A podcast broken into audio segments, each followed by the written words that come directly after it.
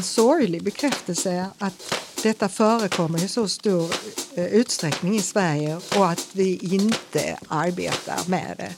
Och det är därför vi pratar om detta idag. Att våga fråga och ta upp vulvahälsan hos kvinnor när de har diabetes. Sex på arbetstid. Sex på arbetstid. Sex på arbetstid. En podd om SRHR för dig som jobbar inom vården.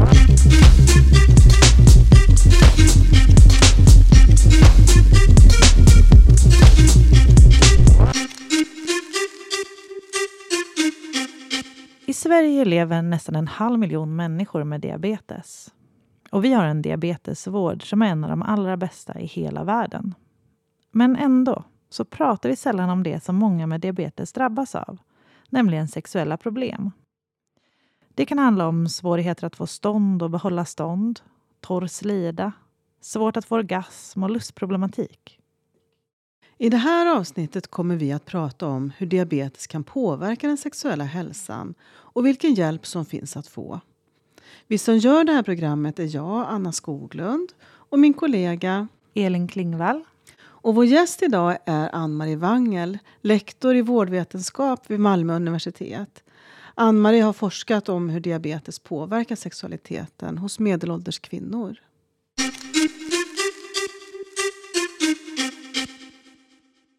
Välkommen till Sex på arbetstid, Ann-Marie.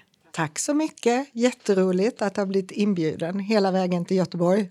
Härligt. Vi är jätteglada att du är här. Eh, och idag ska vi ju prata kring eh, sexuell hälsa kopplat till diabetes. Och diabetes är ju en av våra stora folksjukdomar. Men ska vi börja lite smått och se vad är diabetes för någonting? Ja, vi har ju två stycken typer av diabetes grovt sagt. Sen finns det andra undergrupper. Men det som vi kanske mest är van vid att prata om det är diabetes, eller känna till diabetes typ 1. Och tidigare har man kallat det för barndiabetes eller då juvenil diabetes. Och vi vet ännu inte riktigt orsaken till den fullt ut. Man tänker att det är någon autoimmun reaktion som slår ut betacellerna i pankreas som producerar insulin. Och det är en livslång sjukdom och man måste ha insulin tillskott eller då injektion eller pump med detta resten av livet. Men det som också är att Sverige och de nordiska länderna tillhör vad man brukar kalla för diabetes typ 1 eh, delta och att det är högre incidens, fler nya fall av diabetes typ 1 i våra länder och därför har mycket av kunskapen och forskningen kring diabetes typ 1 varit väldigt skandinavisk. Men det har visat sig att det börjar utveckla sig mer och mer i andra länder, diabetes typ 1. Diabetes typ 2, det som man å andra sidan kallar för åldersdiabetes, är ju då nedsatt insulinkänslighet. Och det har vi som ett sluttande plan från 45-50 års ålder, att eh, kroppen har mindre känslighet för insulin och insulinet produceras sig naturligt och ska ju då se till att energi förs in i cellerna. Men insulinkänsligheten kan också minska ifall man är överviktig eller man inte motionerar eller av andra orsaker. Men i Sverige och i världen så är det ändå liksom 90 till 95 procent av all diabetessjuklighet är då med diabetes typ 2. Och eh, man kan också säga att det är den sjukdom som växer mest i världen. Och särskilt i eh, de länder som har en snabb eh, socioekonomisk utveckling. Och det kan man ju tänka, vad beror det på? Ja, förändrade kostvanor, förändrade levnadsvanor, mycket, mycket mer med det. Och hur många i Sverige är det som lever då med typ 1 och typ 2? Ja, man, eh, senaste siffrorna från NDR, Nationellt diabetesregister, pekar på ungefär 450-500 000 och man säger att totalt så är det ungefär 5% av befolkningen, vi är ju nästan 10 miljoner idag, som har eh, diabetes typ 1 eller typ 2. Och av dem så är det ungefär 45 000 som har diabetes typ 1. De flesta kroniska sjukdomar påverkar ju människors sexualitet på, på, något, på olika sätt eller på något vis. Eh, både när det handlar om lust och förmåga. Eh, och om vi börjar prata om den sexuella funktionen, hur påverkar diabetes då? Ja, den allra starkaste indikatorn på den sexuella funktionen det är ju dels hur väl man har sitt blodsocker inställt. För högt blodsocker över tid skadar eh, blodkärl och nerver. Och då talar man om angiopati eller eh, neuropati. Skador i kärl, små och stora kärl och skador i eh, nerverna. Så att om det är blodsockret som då är inte så välinställt. Den, de skadorna utvecklas över tid och kanske mer så hos eh, personer med diabetes typ 2 för att de är också äldre från början och har andra organfunktioner. Jag har också läst på och hittat studier när det gäller eh, diabetes typ 1-funktion och det är många då som också har hjärtsviktsproblematik. Och att då menar man att när hjärtsvikten och när blodtrycket höjs och man är kanske ett metabolt syndrom som man också pratar om, så är den här genomblödningen som är kanske den största boven till den sexuella dysfunktionen. Hur lång tid brukar det ta innan problemen blir tydliga och innan man märker att det faktiskt har blivit en kärlpåverkan? Ja, hos unga med diabetes typ 1, om de är väldigt slarviga med sitt eh, blodsockerbalans så kan det gå kanske på 10-15 år. Eh, men sen eh, hos äldre så Många debuterar med sin diabetes typ 2 kanske efter medelåldern. Och det är därför man säger åldersdiabetes, kanske 60-70 års åldern. Och då är ju redan kärlen belastad av andra åkommor, av ålderdom och annat. Så att, men vad jag har förstått så 10-15 år och sen framåt. Och då är det ju väldigt eh, viktigt att man följer eh, regelbundna kontroller, att man följer sitt eh, HbA1c-värde, det är det här långtidsblodsockervärdet, att man ska ha det under kontroll. För att det är genom blodsockret som skadorna uppstår på kärl och nerver och njurar och hjärta. Och alltihopa har ju en eh, komplikation i det här förloppet och att eh, får man hjärtproblem kanske man har blodtrycksproblem. Har man blodtrycksproblem så har man blodtrycksmedicinering och blodtrycksmedicinering påverkar också genomblödning och, och kärl. Så att det är ett, en ond cirkel som man kommer in i kan man väl säga. Men kan du berätta lite, vilka sexuella dysfunktioner kan man se hos diabetespatienter? Det som är väl beforskat är ju hos män. Och eh, det, om det är diabetes typ 1 eller diabetes typ 2, men det är ju då att väldigt många män får en erektiv dysfunktion, säger man då, att eh, det är personer som har en penis kan då få en sämre genomblödning i penis, en sämre fyllnad av svällkropparna och en sämre förmåga till erektion, svårighet att få stånd. Men ståndet kan ju också vara att eh, problem att få en eh, erektion som är varaktig i hela samlaget. Men det kan också vara att man har för tidig sädesutlösning eller att man har vad som kallas för retrograd sädesutlösning. Och detta är ju då problem som män kan få oavsett om de har diabetes eller ej. Men vad jag förstår så är det en viss ökad förekomst och detta har att göra med hela diabetessjukdomens komplikationer. Eh, hos kvinnor så finns det ju en annan påverkan. Och eh, vi ska ju, man skulle kunna se att penis erektion, det är vulvas erektion. Och vulvas erektion, det är ju förmågan att bli våt och kåt. Och det har ju också att göra med vaginas eh, genomblödning och hur man blir fuktig. Hos kvinnor ser man ju också när man har diabetes en ökad förekomst av att man kan få eh, candida, svamp i underlivet. Och det är ju en jättevanlig komplikation eftersom det har att göra med eh, blodsockerhalten och blodsockernivåerna. Så många gånger så är det ju att kvinnor lär sig att leva med att det kliar och att det svider och att det är problematiskt. Och när jag då vill koppla det till vulvahälsa och sexuell funktion eller dysfunktion så visst, ta hand om eh, candidan, svampen, och låt kvinnan få vetskap om att det är vanligt och ge henne olika tips hur man ska kunna behandla sin svamp. Men då är det det här med kåthet och fuktighet och att inte ha eh, smärta. Och det har att göra med själva eh, vaginaslemhinnans och vulvaslemhinnans, om den är torr eller skör.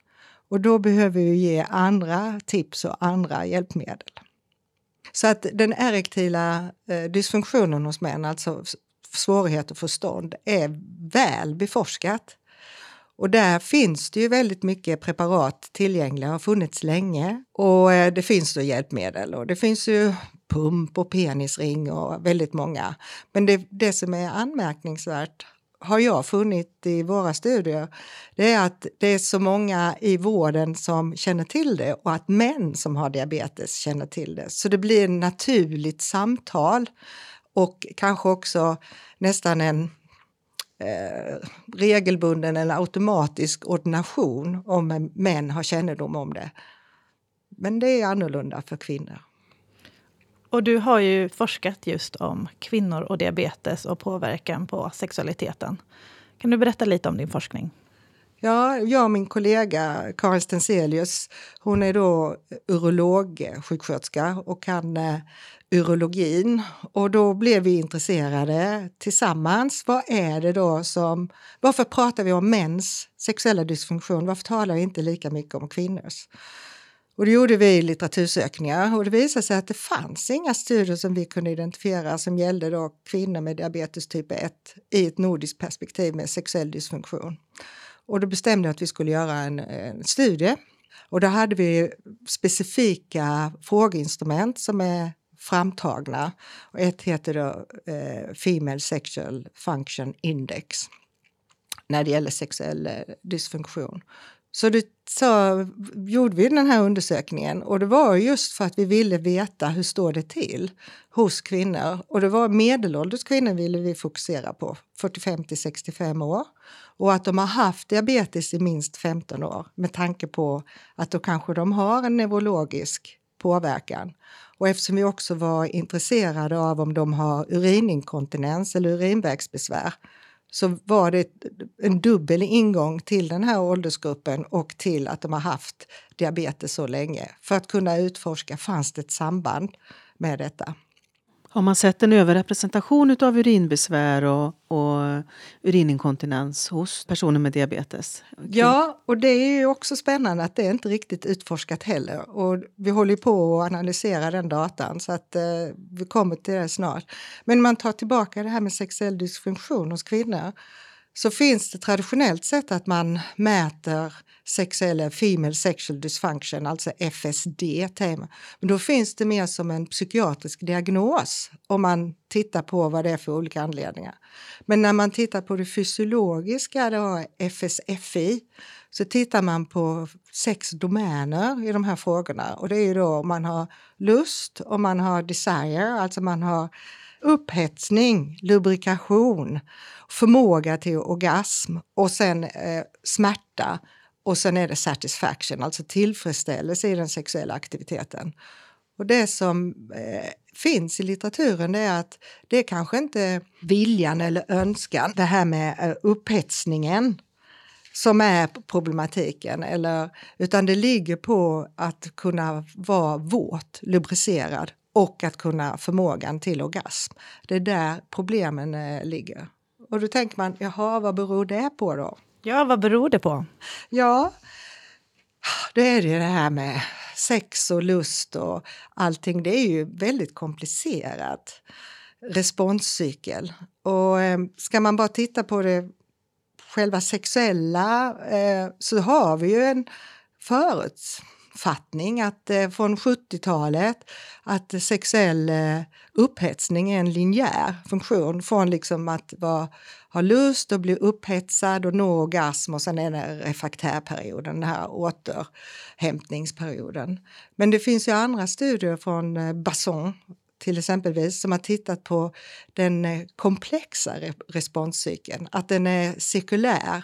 Och någonstans i den här cirkeln från att ha spontan lust till att bli eh, upphetsad, att bli våt, att bli kåt, att sen kunna uppnå orgasm och kunna få multipla orgasmer som kvinnor kan, så finns det så många faktorer som kan spela roll, som bryter den här cirkeln. Och det kan vara att det är någon doft som kommer, några ljud som kommer in. Lusten är inte bara fysisk eller psykisk utan den är också väldigt mental om man inte mår bra i en relation. Och detta var ju väldigt spännande på avsnitt 39 som Hanna talade om lusten. Men när man tänker då på den fysiologiska reaktionen hos kvinnor med diabetes så vill man ju påstå då att det har att göra med kärlfyllnaden. Att, att vara våt och kåt, det är ju något slags vaginal svettning så att säga och den kommer ju av att man blir upphetsad och har åtrå och känner lust och att vagina slemhinnan blir mera genomblödd. Men har man då kärlförändringar och kärlpåverkan så blir ju det en mindre eh, spontan reaktion med lubriceringen, våtheten och kåtheten. Och som kvinna så reagerar jag att jag känner mig våt, jag känner, tänker mig kåt, jag får en lust. Att jag får en åtrå till en partner eller till egen sex. Så att det finns ju väldigt många faktorer i det här och därför är det ju så himla viktigt att vi tänker på den medelålders kvinnan och kvinnor med diabetes och andra kvinnor, och åldrande kvinnor. Hur är det med deras lubriceringsförmåga? Hur våt kan hon bli? Och där är det slemhinnorna som vi behöver prata mer om. Så det ni hittade i er studie var då att det inte bara handlade om lust. Man kunde se att det var diabetesen som gjorde att man inte lubricerade? Alltså vi har ju det här indexet så det är ju bara vad kvinnorna har rapporterat. Men när det gäller då eh, lubricering, våtheten, så var den lägre. Och det, gjorde ju också, det bidrog ju till att sänka eh, Eh, det totala värdet i det här. Så det är ju att de har ju svarat på de frågor som ingår i frågeformuläret.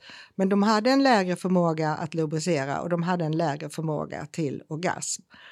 Sen det här med orgasm, det har ju att göra med satisfaction om man då är tillfredsställd. Och då antingen är det ju då att man har en sex sexuell aktivitet med en partner eller att man har sexuell aktivitet för sig själv. Men just de faktorerna. Men en tredje faktor som är väldigt viktig också hos kvinnors eh, vulvahälsa, det är ju om de har eh, smärta i samband med eh, sexuell aktivitet eller omslutande sex. Kunde ni se någonting där ja, också? Och de var också eh, vanligt förekommande med smärtan. Så att eh, torrhet, smärta och minskad förmåga, det hänger liksom ihop som en triad. Och det är ju inte skönt att ha smärta i samband med, med sex. Så att, eh, och då är det ju liksom, vad ska vi göra åt det här för kvinnor? Ja, har du några svar på det? Ja. Så att det, det, jag har ju talat, jag har haft förmånen att pratar både barnmorskekongress och diabeteskongress och vid olika samtal nu. Och då är det då att talar vi om sexuell hälsa eller talar vi om sexuell aktivitet eller talar vi om sexuallivet? Vad talar vi om med kvinnor med diabetes? Ja, det vanligaste svaret nej, det frågar vi inte om. Eh, det ingår inte. Och en masterstudent har precis gjort en intervjustudie i Malmö med 12 stycken diabetessjuksköterskor och det visar sig att nej, nej, det är inte mitt ansvar eller vems ansvar är det? Och att man förskjuter det här att då, så säger man ja men om det är en man då vet vi för att han vet och han, han tar ofta initiativ till samtalet. Men väldigt få kvinnor frågar själva och då blir det inte att man pratar om det heller. Så att det finns en um, kunskapsbrist och också en brist på att ta initiativet att tala med kvinnor om sin sexuella hälsa eller sexuallivet. Och vad jag då och vi försöker nu liksom föra fram och till ni lyssnare, det är att fråga kvinnor.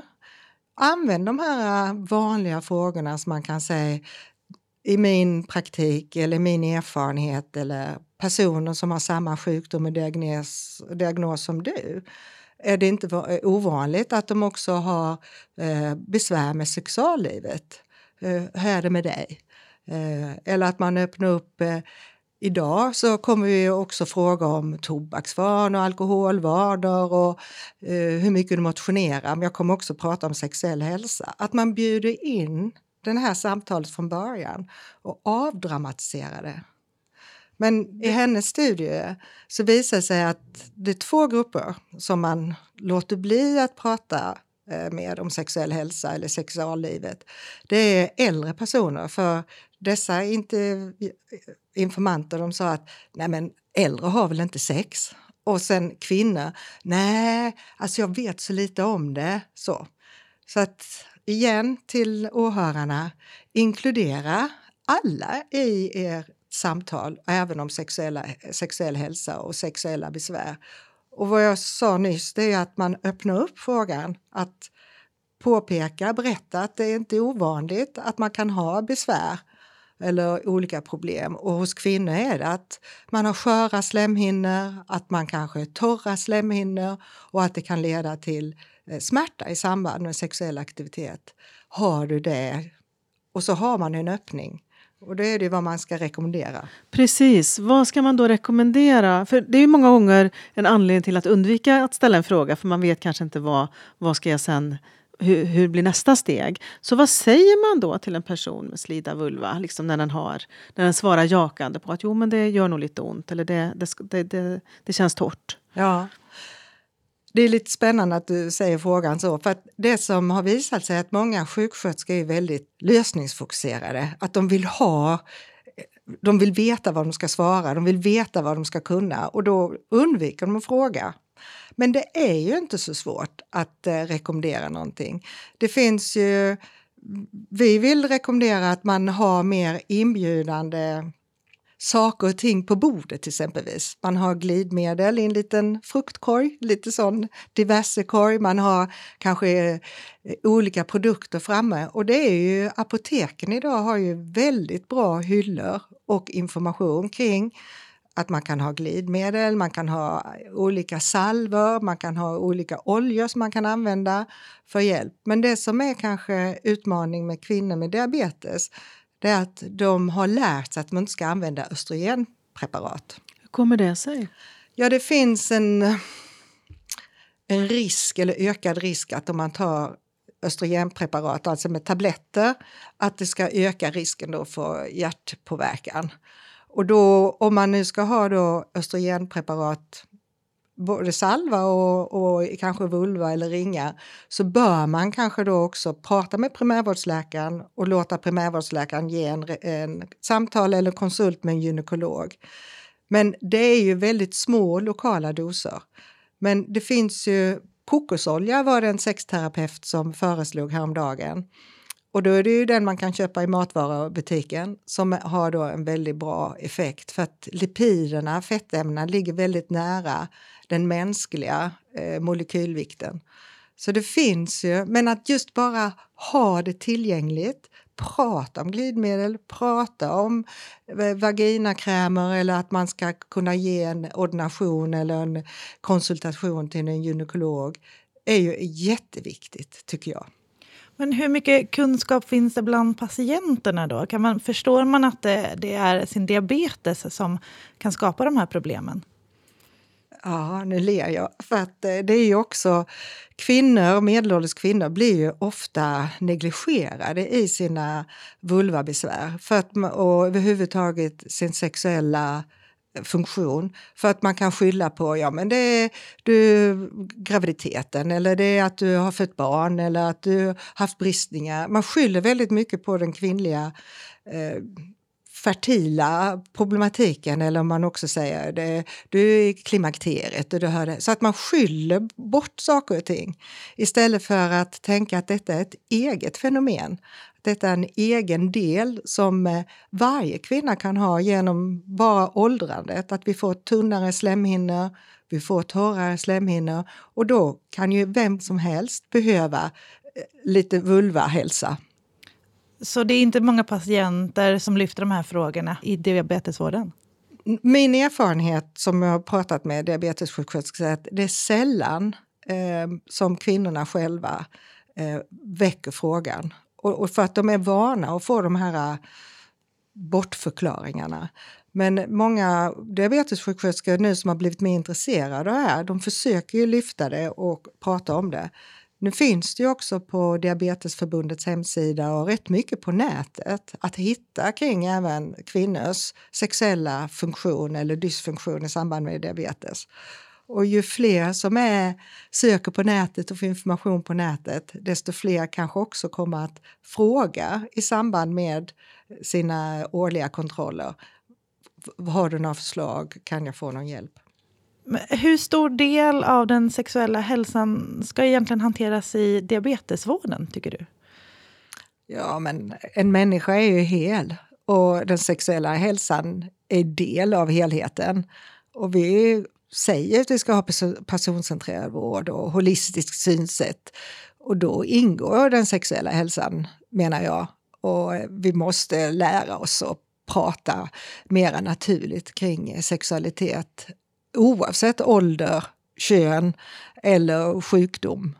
Så att eh, sexuell hälsa är viktigt.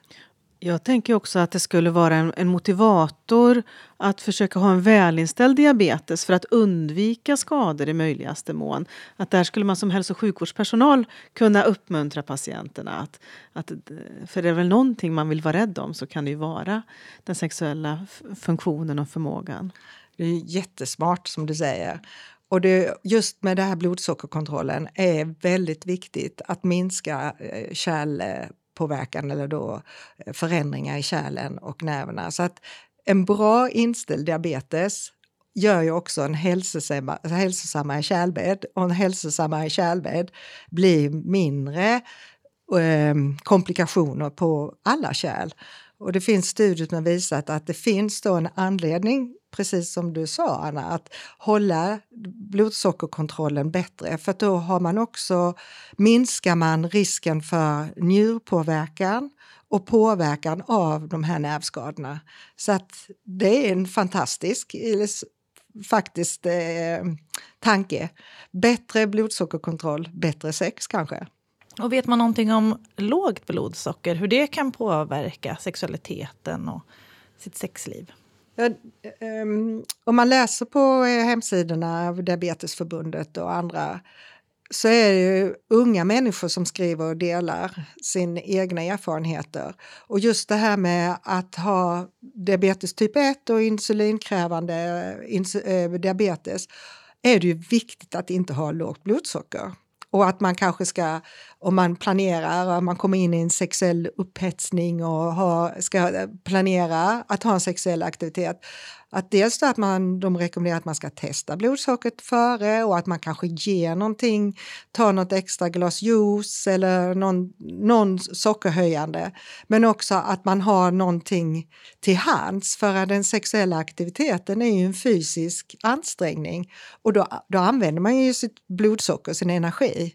Så att det är väldigt viktigt och att man har unga människor just som talar och detta är ju vem som helst som har det, äldre vuxna människor kan ju också ha sex fastän de har diabetes. Men att man ska tänka på det och det vet man rätt så väl att man förknippar fysisk aktivitet med att ha väl kontroll på sitt blodsocker. Och det vet man själv, om man är helt utmattad. Det kanske inte är sex som man i första hand ska ägna sig åt om man har löpt ett maraton eller vad man har gjort. Så att det är viktigt att ha kontroll på blodsockret för det, man måste ju ha energi. Och energi är ju sockret till cellerna. Så finns det också erfarenheter då att man under en, en sexuell akt då har fått plötsligt lågt blodsocker? Ja, detta är ju lite spännande för att det kan ju också höra ihop med det här i studier där man tittar på eh, orgastisk eh, förmåga eller satisfaction, tillfredsställelse. Att, eh, och, och ehm, också att visat sig att eh, personer med diabetes har kanske mindre sexuell aktivitet än kontrollgrupper. Och då vet jag bara i samtal och i gruppsamtal och undervisning och utbildning med personer med diabetes så talar man rätt så mycket om det här att man är rädd att få ett, ett äh, sockerfall under sexuell aktivitet och kanske inte törs. Men unga idag i Sverige har ju väldigt bra grupper. De har diabetescamps och de har väldigt mycket förmåga. Men det är väl, man lär sig efterhand att leva med sin diabetes och lär sig och nu med pumpen som kan läsa av eh, blodsockret och eh, man kan sänka insulinnivån. Men det är jätteviktigt att när man har sex med en person som inte vet vad diabetes är, att man kanske också i samtalet törs säga du, jag har eh, diabetes. Så om jag blir lite kladdig och svettig och, och, och så under akten, hjälp mig och, och se till att jag får någonting i mig. Jag har ett glas juice här. Så att det ligger ju rätt mycket ansvar på personen med diabetes, särskilt typ 1, då, om de kan sjunka snabbt. Och det är ju väldigt viktigt att få hjälp då.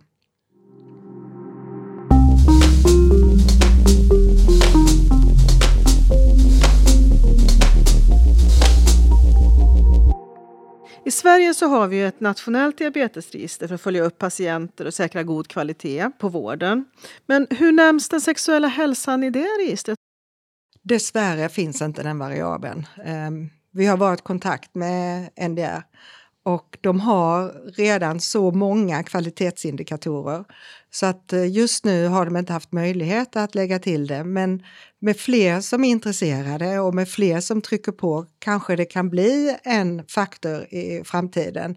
För de har ju sin PROM, alltså de, det är ju patient related eh, outcome measurements.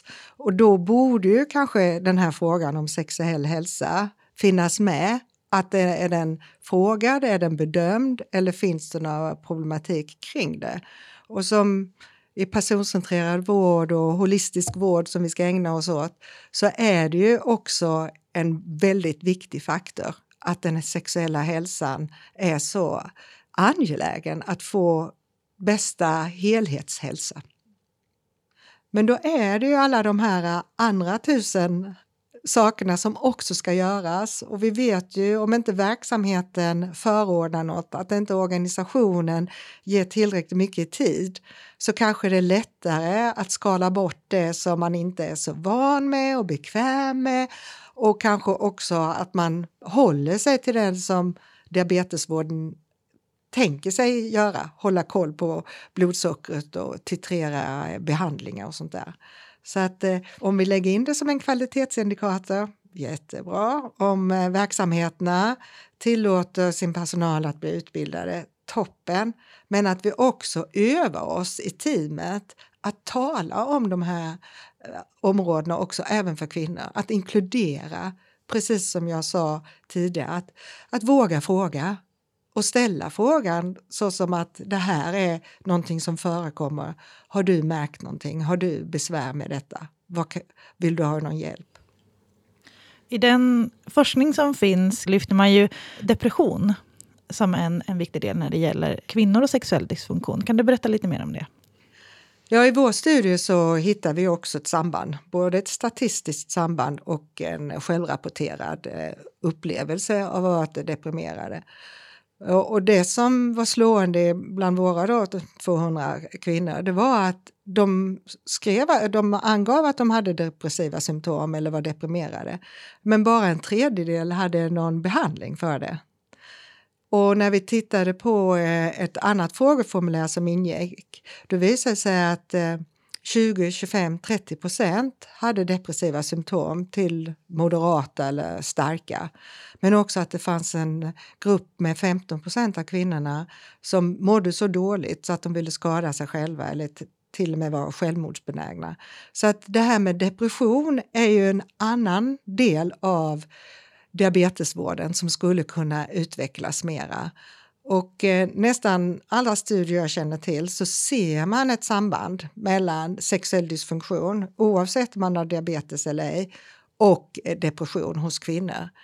Det som är intressant är att jag har inte sett samma rapporteringsgrad när man tittar på män och deras sexuella dysfunktion och förekomst av depression. Vad tror du det beror på? Ja, det är ju spännande. Eh, igen, jag lyssnar ju då på Hannas eh, samtal med er, nummer 39, och det här att mäns sexuella dysfunktion är mer kanske biologiserad, fysiologisk funktion, funktion. Och eh, med kvinnor så psykologiseras hennes sexuella känslor och upplevelser och att eh, man testar kanske depression mera eh, hos kvinnor, men också att kvinnor mer benägna att svara på ett depressionsinstrument. Och jag har sett eh, studier som säger att många av våra depressionsinstrument har en frågeställning eller frågeformuleringar som mera eh, låter sig besvaras av kvinnor än av män. Och det finns ju väldigt många män som är deprimerade men inte får behandling för det. Och en utvikning av detta är ju att vi kan ju bara titta på självmordsstatistik som är mycket högre hos män för att de går med en obehandlad depression. Men det är lite utanför det här ämnet förstås. Och nu har vi pratat mycket om cis-kvinnor och cis-män diabetes och sexuell hälsa. Vet man någonting om, om transpersoner när det gäller diabetes och sexuell hälsa? Och kanske om könsbekräftande vård också kan påverka? Jag har inte sett några studier mellan eh, sexuell dysfunktion eller funktion och, och eh, diabetes med populationen transpersoner. Jag kan ju tänka mig att har man gått igenom könsbekräftande eh, behandling och operation så är ju slemhinnorna än mer påverkade och det kanske är än mer komplikationer kring det. Men jag kan inte uttala mig om det.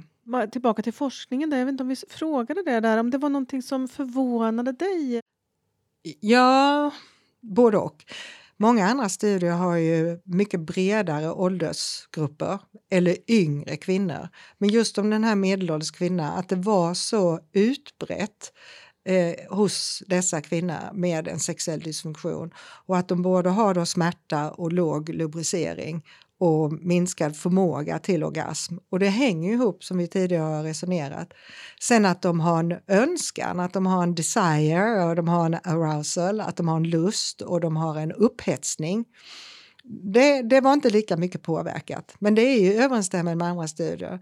Men det var ju samtidigt en sorglig bekräftelse att detta förekommer i så stor eh, utsträckning i Sverige och att vi inte arbetar med det. Och det är därför vi pratar om detta idag. Att våga fråga och ta upp vulvahälsan hos kvinnor när de har diabetes överhuvudtaget. Och vi har ju pratat en del om att det saknas mycket forskning, eh, specifikt på kvinnor, men det finns inte heller någon forskning på transpersoner. Vilken forskning skulle du vilja se framöver? Jag tycker det skulle vara spännande att följa upp att eh, kan vi öka den sexuella hälsans samtal i dialogen med eh, patient och eh, vårdgivare. Oavsett om det är diabetes typ 1 eller diabetes typ 2. Att eh, öka benägenheten att inkludera detta som en del av rutinkontrollerna. Men jag vill också lyfta in depression. Vi får inte glömma att vara nedstämd eh, fastän man har diabetes eller vara nedstämd trots att man har sexuell aktivitet. Vi vet inte riktigt vad som påverkar om jag har dålig lust och dåligt sexuellt eh, liv på grund av att jag är nedstämd eller att nedstämdheten driver fram att jag inte har det. Så att, att överhuvudtaget lyfta fram de här frågorna på ett mer naturligt och inkluderande sätt med alla i diabetesvården. Och det är inte många frågor som vi behöver ställa. Och det kan vara till och med att man ger eh, patienten en mindre enkät att fylla i och man tycker det är lättare att gå igenom svaren än att ställa frågorna.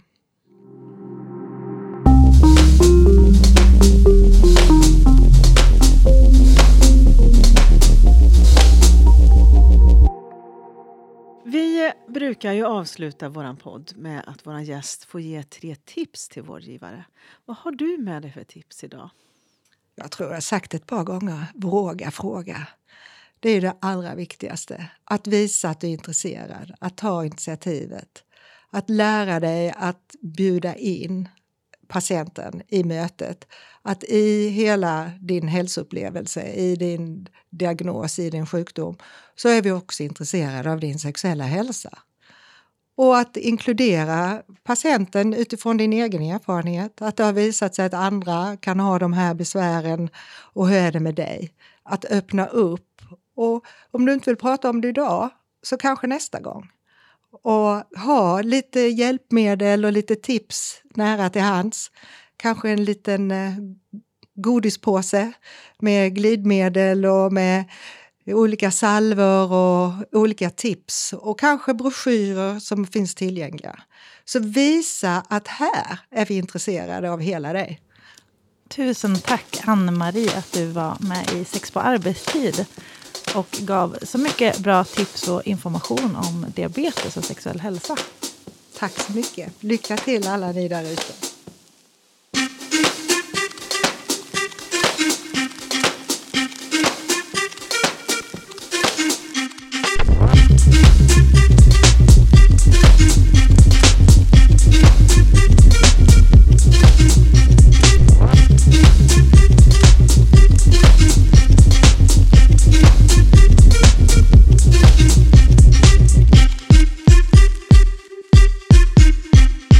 Du har hört Sex på arbetstid, en podd som görs av Kunskapscentrum för sexuell hälsa, en del av Västra Götalandsregionen. Producent var Elin Klingvall.